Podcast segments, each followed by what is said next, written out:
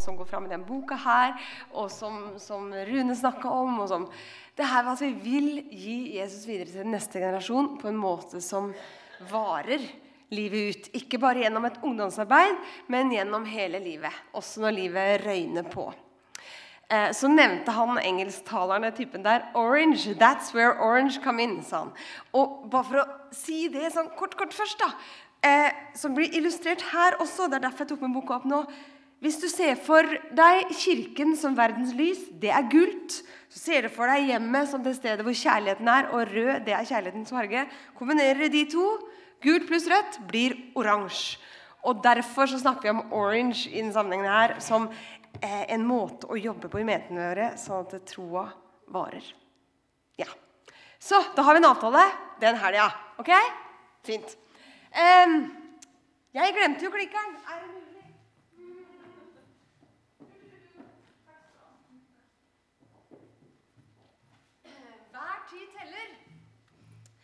Jeg eh, skal prøve å stå stille, da. Jeg, sånn, jeg, jeg flytter meg så jeg når jeg taler.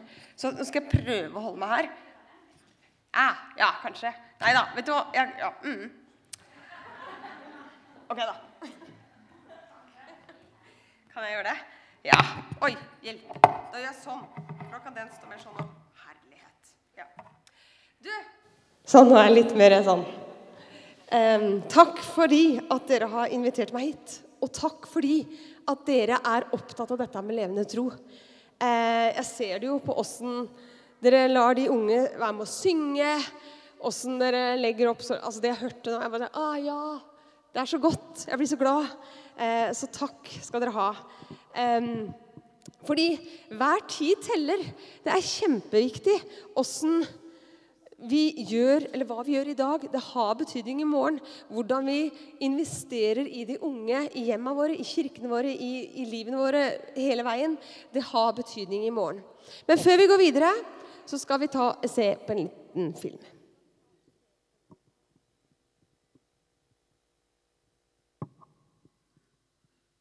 Mitt navn er Kim Ronny Hansen. og Jeg har grunn, grunnfag i, i lærerskolen og, og er fotsomterapeut i bånn. Ja.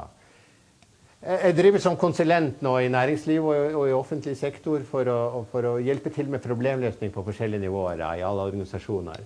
Og Jeg skal vise dere et flytdiagram på problemløsning som jeg har brukt mye, og som jeg vet er veldig stor suksess med. Helt inn i regjeringen har de brukt dette, og det fungerer utrolig bra. Tenkte jeg skulle vise dere dette. Og da er jo spørsmål nummer én Spørsmål nummer én er jo fungerer det. Hm? Gjør det det? Hm? Ok? Fungerer det? Jeg tenker ikke bare på hjemme og sånn. Jeg tenker mer sånn på ikke sant? På jobben da, Det jeg tenker på, det er det som er min sektor jeg skal jobbe med. Men jeg tenker på ikke bare hjemme, men fungerer det? Hæ? Ja. Og kan du si ja på det? Hvis du kan si ja på det, OK? Hold deg langt unna. Og som dere ser her problemet er løst. Ja. Fungerer det? Hold deg langt unna, problemet løst. Men fungerer det ikke, nemlig nei, fungerer det nei, har du tuklet med det? Hm? Har du, har du tuklet med det? Hm? Nei. OK, hva kommer her? Skal vi se. Får du skylda for det, da? Når du har tukla med det? Hm? Nei, du gjør ikke det. Nei vel. Kast i søpla. Så enkelt er det. Bare hold hodet kaldt. Så tukla med det? Nei. Får du skylda for det? Nei, søpla. Problemet løst. Men har du tuklet med det? Ja. Du svarer høyt og tydelig. Ja, jeg har tukla med det. Hvis du skal si det sånn. OK. Da, da, får jeg si idiot med utropstegn etter. Hæ? Ser du det? Skulle aldri tukla med det. Skulle aldri ha gjort det. Ikke tukle med det. Idiot. Og se her hva det kommer opp i dag. Jo, vet noen andre om det? Ser du det? Ja. Andre vet om det. Stakkars deg. Stakkars deg. Du blir mindre og mindre og krokete og krokete i ryggen. Se på det. Stakkars deg. Å, kan du skylde på andre når andre om det, og stakkars deg og alt det der. Kan du skylde på andre? Ja, du kan skylde på andre, og problemet er løst. Ser du det? Men kan du skylde på andre? Nei. Stakkars deg. Og det er det jeg kaller den onde sirkel. Ikke kom inn i den onde sirkel der. Skylde på andre? Nei, stakkars deg. Kan du ikke skylde på andre? Nei, jeg kan ikke det. Kan pakker ikke det. Kan du ikke skylde på andre? Nei, onde sirkel. Så fungerer det? Nei, har du tukla med det? Ja, idiot. Vet noen andre om det? Ja, stakkars deg. Kan du skylde på andre? Ja, problemet løst. Kan du skylde på andre? Nei, stakkars deg. Og der går det. ja.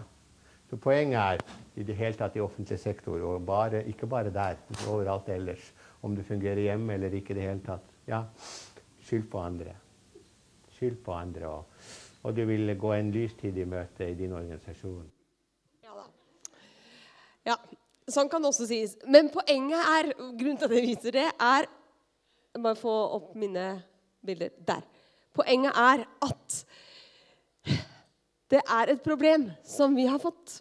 Og det er at mange, mange blir borte fra våre sammenhenger. Og jeg vet ikke helt åssen dere har det her på lista, ja, men da jeg var ung, så var jeg med i ungdomskoret B-Mix. Vi var til og med på lista og sang. Er det noen av dere som hørte oss? eller? Kan det hende at det sitter noen her?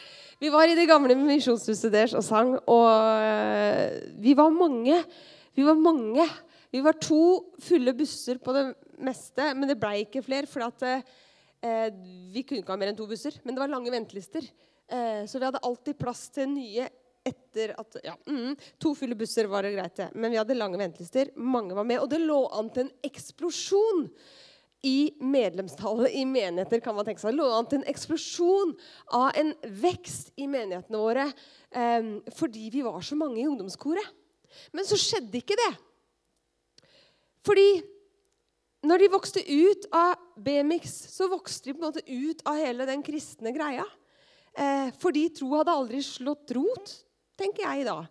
Eh, hvorfor, hvorfor ble folk borte? Hva skjedde på veien? Kunne vi skylde på noen? Så hadde jo problemet vært løst, kanskje. Men problemet var jo at de ble borte. Og dessverre så er ikke den historia helt unik. Det er veldig, veldig mange ungdomsmiljøer som erfarer det samme, at folk blir borte. Kanskje har det også vært her på lista. Det vet jeg ikke noe om, faktisk. Men veldig mange kan si litt om det, i hvert fall. De hadde mange inne. Mange ble borte. Noen år siden så hadde vi reunion med B-Mix og skulle møtes igjen. og Det var kjempegøy. Vi sang alle de gamle sangene, og det var veldig, veldig, veldig gøy. Men så lo man av seg selv som ung, veldig mange. De spurte hverandre hva gjør dere nå, da? Nei, jeg er i hvert fall ikke i menighet. liksom. Det liksom lå veldig sånn mellom linjene. Så spurte de meg da, 'Linda, du da? Hva holder du med?' med? Jo, jeg jobber fortsatt i kirka her. Ja. Så kikker de litt sånn overbærende på meg, hever litt bryna og går videre til neste som er litt mer interessant, som ikke har blitt værende igjen på 80-tallet. liksom. Um, men det er jo ikke det som er greia. Greia var at jeg har vært så heldig at jeg har hatt disse gode folka rundt meg, som du også nevnte, som har vært med på å være vitner om hvem Jesus er, som gjorde at troa satte seg fast i hjertet mitt. Den grodde, fikk røtter og ble slitesterk. Så var ikke alle som hadde det. Og så jeg undra meg over hva var det egentlig som skjedde. Hvorfor blei det sånn? Kan det her er ikke sikkert det er et svar, men det er i hvert fall et innspill. Kan det ha vært sånn at vi i det miljøet Ja, det var gode ledere, men mangla vi likevel noen gode voksne der som kunne satt ord på troa vår og satt ord på livet vårt? For vi sang så radikale sanger. Vi sang 'You can depend on me, Jesus'. Altså, hallo! Eh, det er jo så høy bekjennelse. Og vi sang 'I surrender all'. Og så levde vi helt vanlig liv. Og ikke vi så på en måte snurten av det vi sang, hvis du skjønner hva jeg mener. Så har jeg undra meg over kan det ha vært Hva om vi hadde hatt disse voksne som kunne på en måte vært en bro da, mellom livet vårt som det var, og det vi sang om, som gjorde at troa vår blei troverdig? Jeg har lurt på det. Hvorfor hadde vi ikke det? Blei spriket mellom teksten vi sang, og livet vårt så stort at ikke vi klarte å stå i den der spagaten? Det blei ulevelig for de som ikke hadde de til å tolke livet. Så jeg tenkte det her må vi jo lære av. Eh, Isteden så er det ofte sånn at vi menigheter vi, vi, gjør, vi, er veldig veldig, veldig gode på arrangement og program og venter eventer og alt det greiene her. Og så lager vi sånn wow, wow, veldig sånn. Og så er det den der relasjonelle greia der vi faktisk kan snakke om livet. Der vi faktisk kan gå på dypet med hverandre. Der det faktisk er rom for den unge korsangeren da, å si Vet du hva, jeg syns det er vanskelig, det vi synger. At det er rom for det. Og at det er noen trygge voksne der som kan si Få høre. Hva mener du med det? Det er lov til å stille spørsmål her. At vi får også plass til den relasjonelle biten, ikke bare alle de store fancy programmene våre. Så tenker jeg at det, i menigheter Nå snakker jeg ikke om deres menigheter, nå snakker jeg om Kristen-Norge eller verdensvid kirken for den saks skyld, særlig i den vestlige verden. Vi er så gode på å gjøre ting fancy og bra. Og så ser vi at det frafallet blir stort, og så tenker vi ok, men da gjør vi det litt mer fancy, da. Så kanskje de blir. Og så er frafallet enda større. Hva er det for noe? Så gjør vi på en måte det samme om igjen, og så forventer vi et nytt resultat. Men det skjer ikke. Fordi at Albert Einstein hadde sagt at eh, eller i hvert fall han som er kreditert for det her sitatet, at hvis du fortsetter å gjøre det samme om igjen, om igjen, om igjen og forventer et nytt resultat, så er du gal.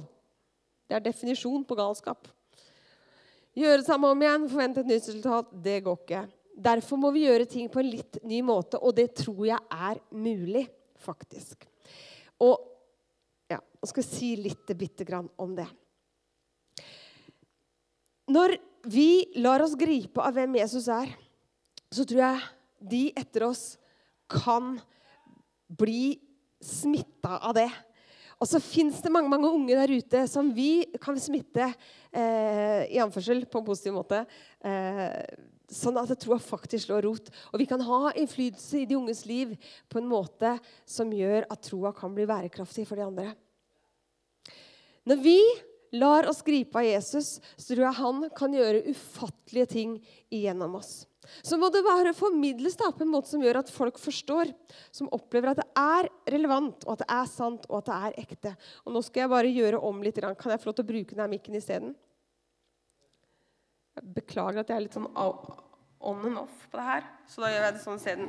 For nå kjente jeg at det ble litt for mange greier. For jeg skal både skråle der, jeg skal ta bilder, og jeg skal snakke og holde mikk og alt. Det ble litt mye for meg rett og slett. Så da står jeg stille isteden. ja, det ble Yes. Poenget er vi voksne må være til stede for de unge. Og være tilgjengelige og være på deres banehalvdel også når de lurer på ting. Men så kan det være som om de unge lever i en verden som er litt ukjent for oss. Så får vi få den til å virke igjen, da.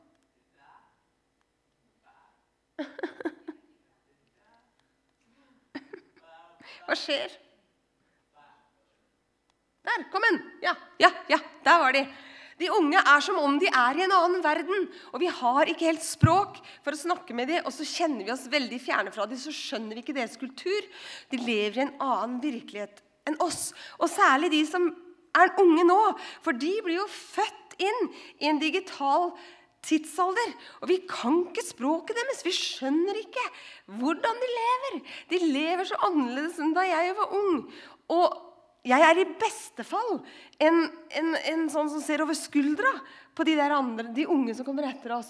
Jeg er i beste fall en som eh, har immigrert da, inn i denne digitale tidsalderen, mens de er innfødte.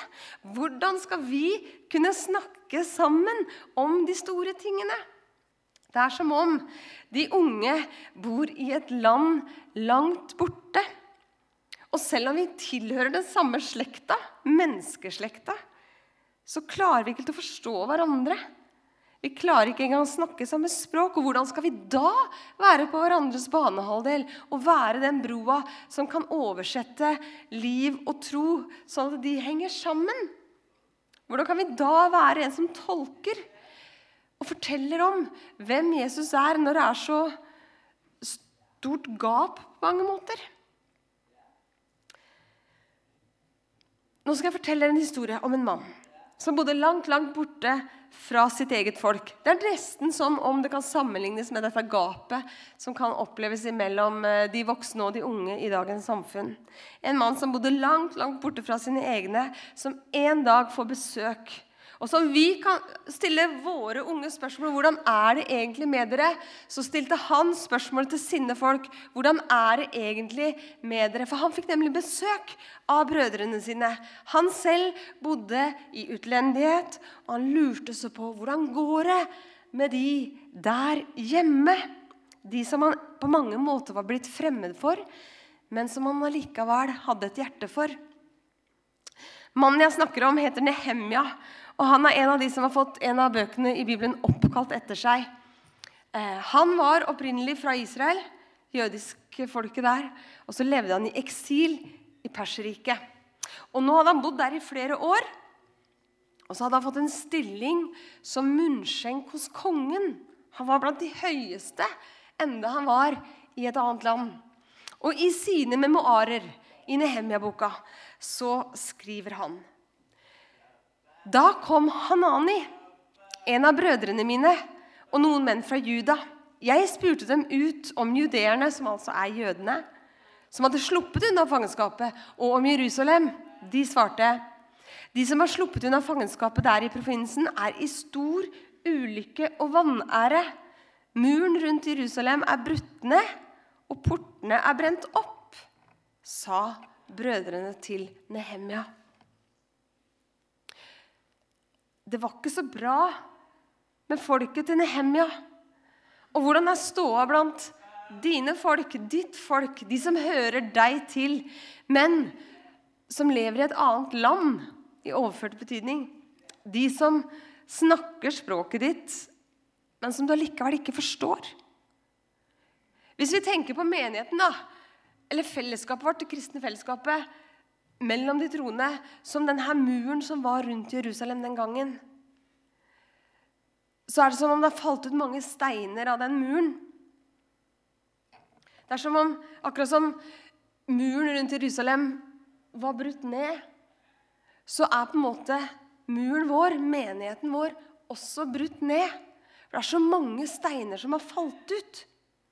Det er så mange barn, det er så mange unge, det er så mange unge voksne, det er så mange eldre, det er så mange 50-ish som ikke lenger er med av en eller annen grunn. Hvorfor er det sånn? Hvem får du i tankene når jeg sier de tinga her? Hvem er det du tenker åh, jeg skulle ønske hun var her fortsatt? Og jeg skulle ønske han var her fortsatt. Jeg har nevnt de unge.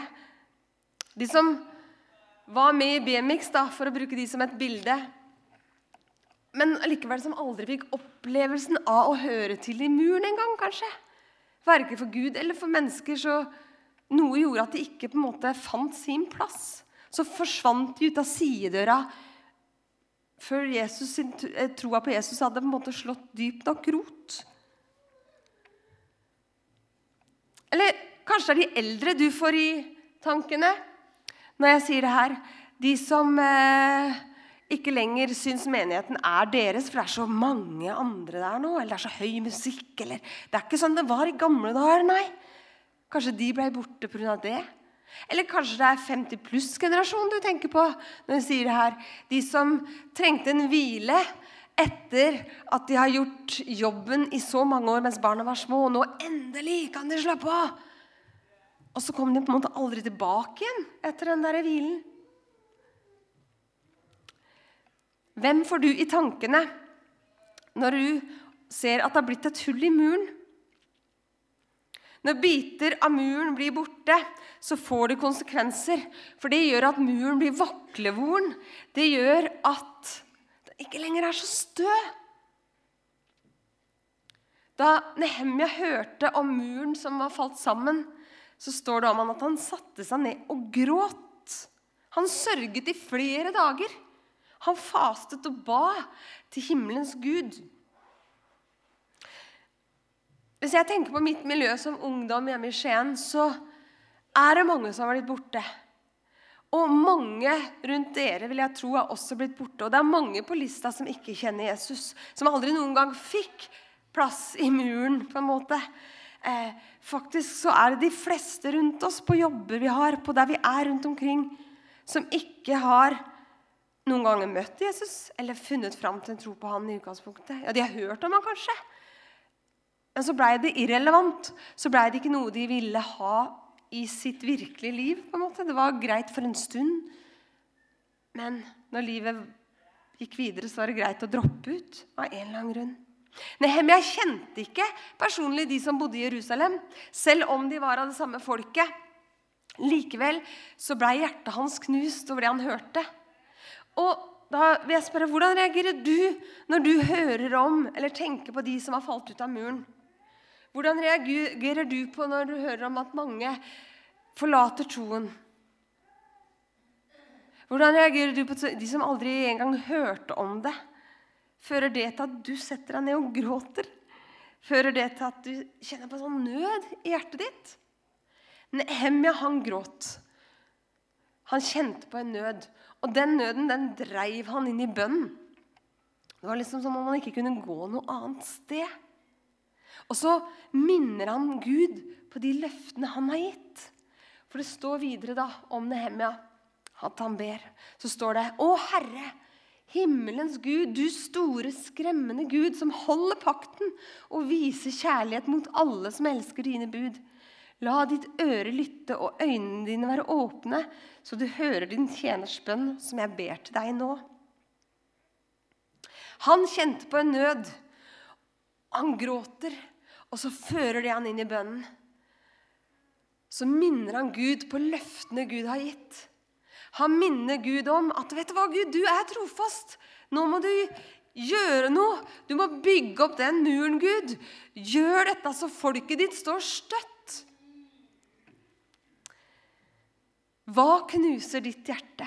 Hva er det du kjenner som bare driver deg inn i bønn og får deg til å be inderlig til Jesus si, 'Gud, husker du ikke hva du sa? Du har jo lovt, du har jo lovt, du har jo lovt.' Hva gjør at du minner Gud om hans løfter? Er det de voksne? Er det de unge? Er det de unge foreldrene? Er det de besteforeldrene som ikke lenger er til stede? Hvem?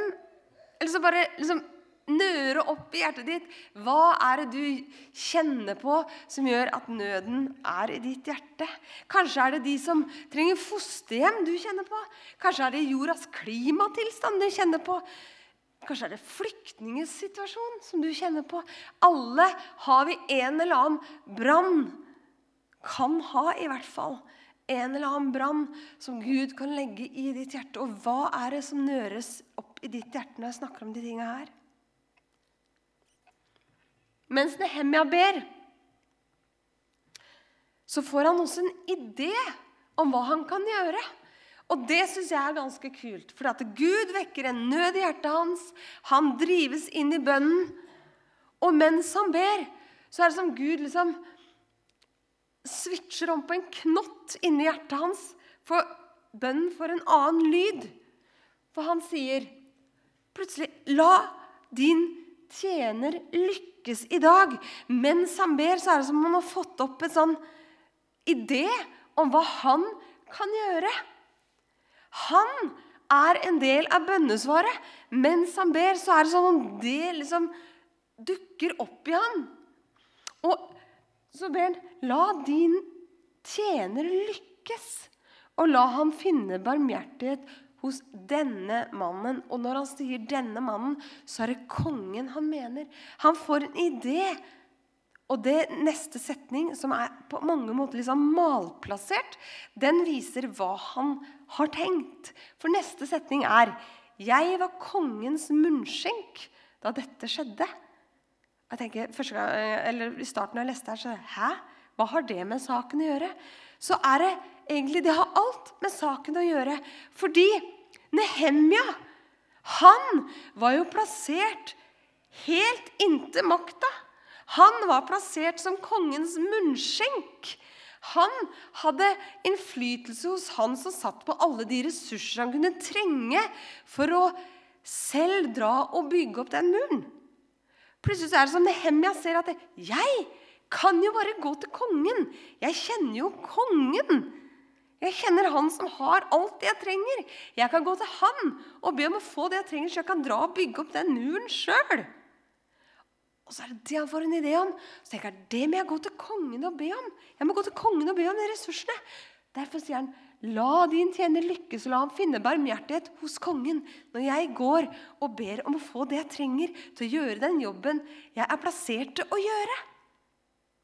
Han har jo kontakter som er helt rå. Som kan være en bro imellom det hjertet hans har en nød for, og det han ser trengs å gjøres. Og da har jeg lyst til å spørre deg hvilken rolle har du? Hvor er du plassert som gjør at du faktisk sitter på nøkkelen? Du sitter på døra inn til de ressursene, eller til hva det nå enn måtte være, som gjør at du har det du trenger til å være en del av bønnesvaret.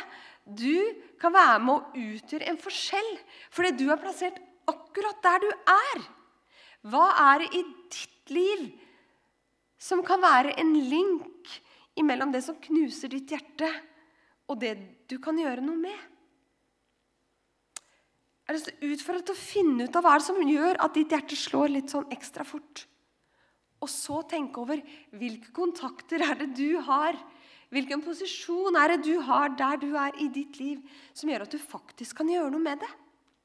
Ikke bare gråte. Gråt er bra, men så fører det til noe konstruktivt. Nehemjas historie er fascinerende. Han må ha vært en administrator av rang. Han, fikk, han dro til Jerusalem, han fikk det han trengte av kongen. Så dro han til Jerusalem. Og på noen få dager så fikk han bygd opp muren som har ligget knust i over 90 år. Eller ruinert i over 90 år. Han brukte litt over 50 dager, så fikk han bygd det her opp. Wow, sier jeg da. Han fikk folket til å jobbe side om side og bruke redskaper og gjøre det de var gode på. De jobba side om side. Det var kvinner, det var voksne, det var menn. Det, altså det var alle sto der. Det står om døtre, det står om sønner, det står om brødre. Det, står om, altså det var både menn og kvinner. Så hadde de murskjea i den ene hånden, og så hadde de våpenet i den andre. Så de var klare til å kjempe imot hvis det skulle komme fiender. For når muren lå nede, så var jo byen i fare. Så tenker jeg på oss, da, menigheten. Vi vil jo at menigheten skal være sterk. Vi vil at Guds kirke på jord skal være levende og kraftig. ikke sant? Og det å bygge opp den, det betyr at vi gjør det vi er gode på, og jobber og forteller om Jesus og gir det videre på en måte så det varer. Samtidig som at vi har våpen i vår hånd, og våpen i vår hånd, det er jo bønnen, det. Og det er Guds ord, det. Og det er levende livet vårt med Gud. Det er vårt våpen, det at vi lever tett på Han. Så gjør det, har det oppe, og så jobber vi. De to tinga der, side om side, så kan vi bygge opp muren. Er ikke det bra? eh, og så gjorde Nehemia det han var god på. Han var god på å organisere. Han hadde ressursene fordi han kjente kongen. Og så bare gjorde han det. Han kunne ha forblitt der borte i fremmedland og grått resten av sitt liv. han. Uff, det er ille der hjemme, gitt. Det var mye bedre før. Jeg husker det en gang jeg var der.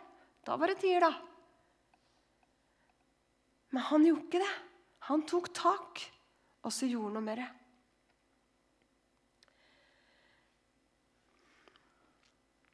Det er enda en som er reist fra et land langt, langt borte for å rette opp igjen det som ikke var så bra fatt hos sine folk. En som så sitt folk på avstand, og som gråt over det han så. Og som en dag brøyt opp og tenkte at her må noe gjøres. Og så sa han, 'Jeg reiser. Jeg drar for å bygge den muren opp igjen.' 'Jeg drar for å få ei bro imellom det som var, og det som er.' Sånn at det blir en link igjen. Og han som gjorde det, han het Jesus. Fordi han var hos sin himmelske far. Og så satt de og så, så de folket sitt, som var så langt, langt borte. Og så så de at muren var rast ned. De så at dette er folket. Vi må bygge det opp igjen. Så dro han fra sitt rike hos sin far. Og så blei han selv den muren. Kall det det, da. Han ga livet sitt på korset for å være linken imellom Gud, far, og den muren som var blitt brutt ned. Nehemia, det han gjorde, det var en parallell til det Jesus gjorde, tenker jeg. Så kan vi gjøre det samme og være en parallell til det Jesus gjorde. Ved at vi forteller om ham på en måte som gjør at det er gyldig, det han har gjort. At vi snakker på en måte som gjør at de unge forstår.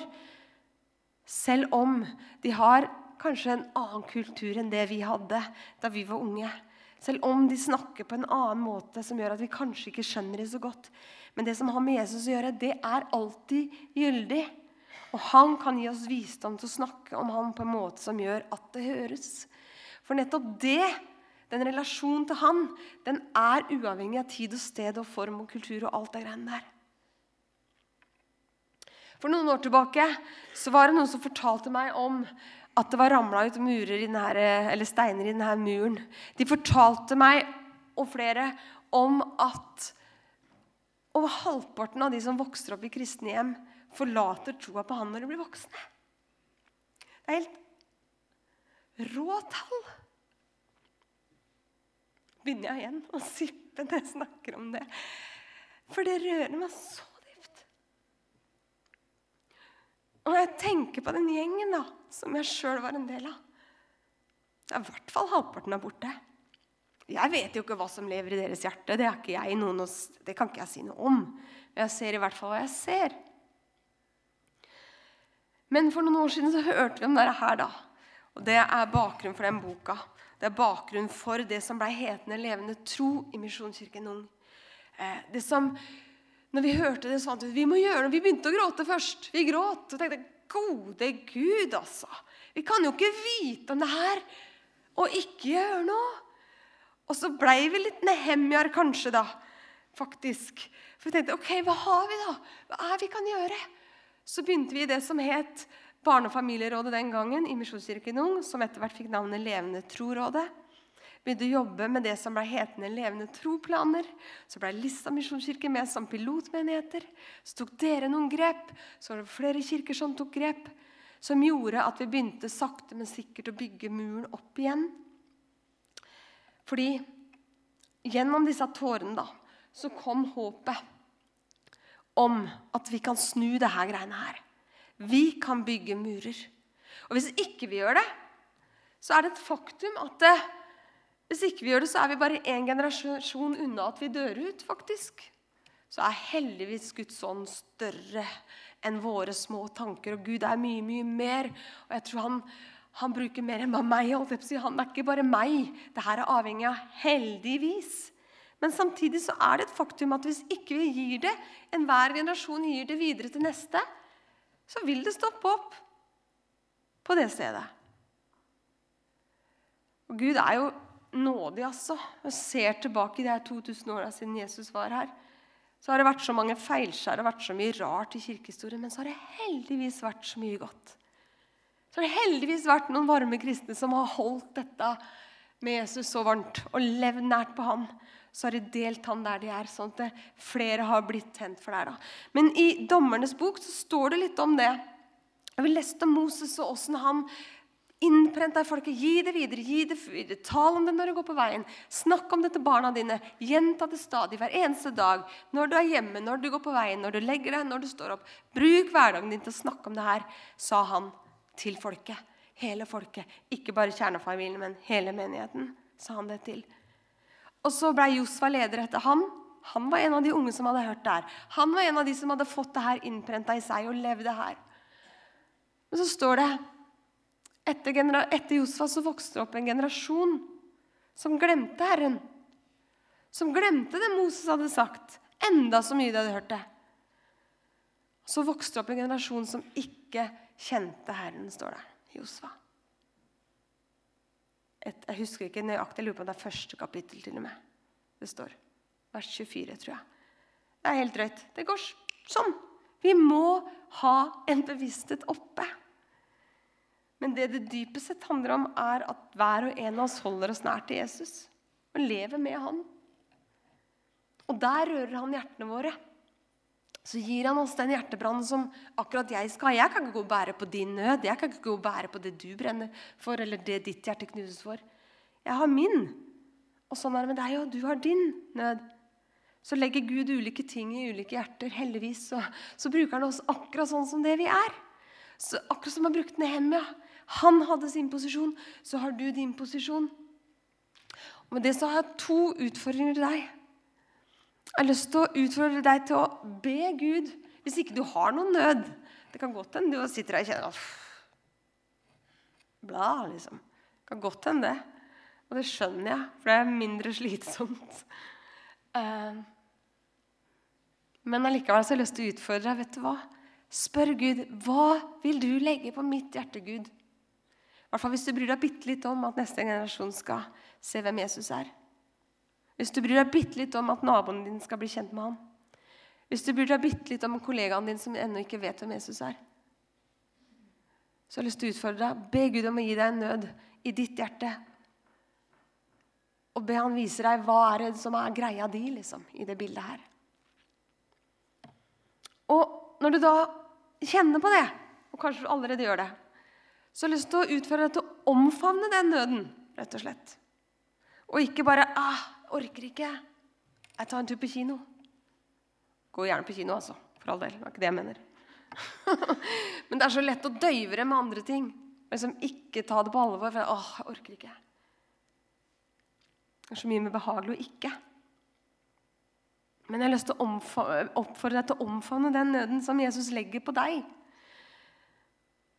Og be, altså, La deg inspirere av Nehemia, da, som satte seg ned og gråt.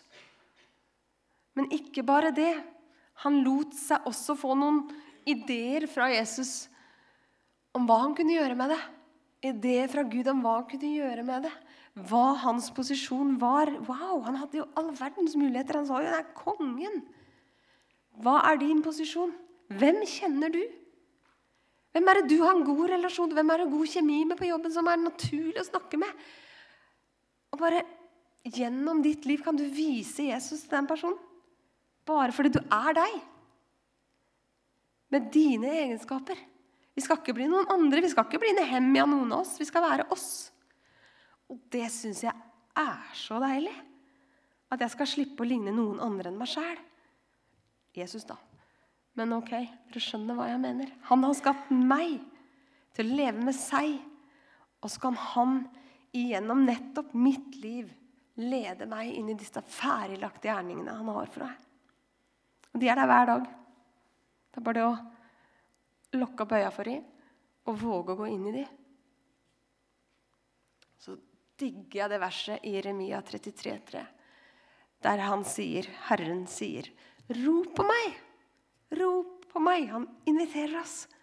Så vil jeg svare deg, og jeg vil fortelle deg store og ufattelige ting som du ikke kjenner til. Jeg tror han har så mye for oss. Jeg tror han ønsker å se lista forvandla.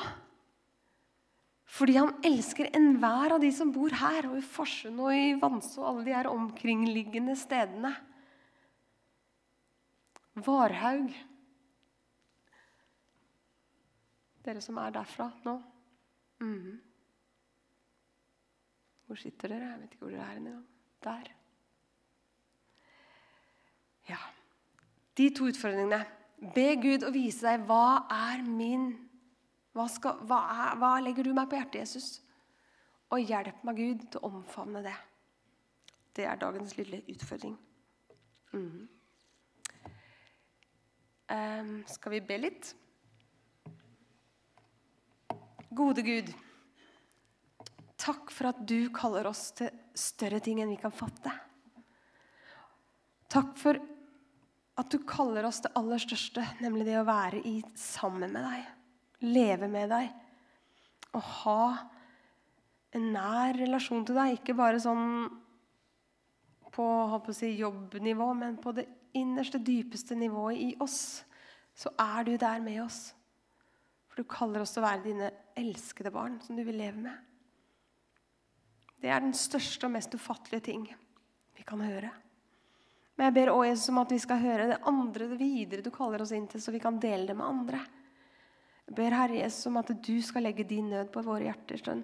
Den nøden hver og en av oss skal ha, som matcher den vi er. Jesus, jeg ber om at du skal la oss våge å lytte til det. Og orke å omfavne det. Sånn at vi kan bety den forskjellen du kaller oss til, Herre Jesus. Så vi kan være med å bygge opp muren. Så vi kan være med at steiner får plass igjen i denne muren. Så at det, de som kommer etter oss, skal se deg, Jesus. Så at de kan få en tro som varer like inn i evigheten. Så at ditt rike, Herre Jesus, kan vokse og bre om seg der vi er. Jeg ber om det nå, Jesus. Amen. Og nå kan, skal lovsangeren komme fram, og så er det anledning til å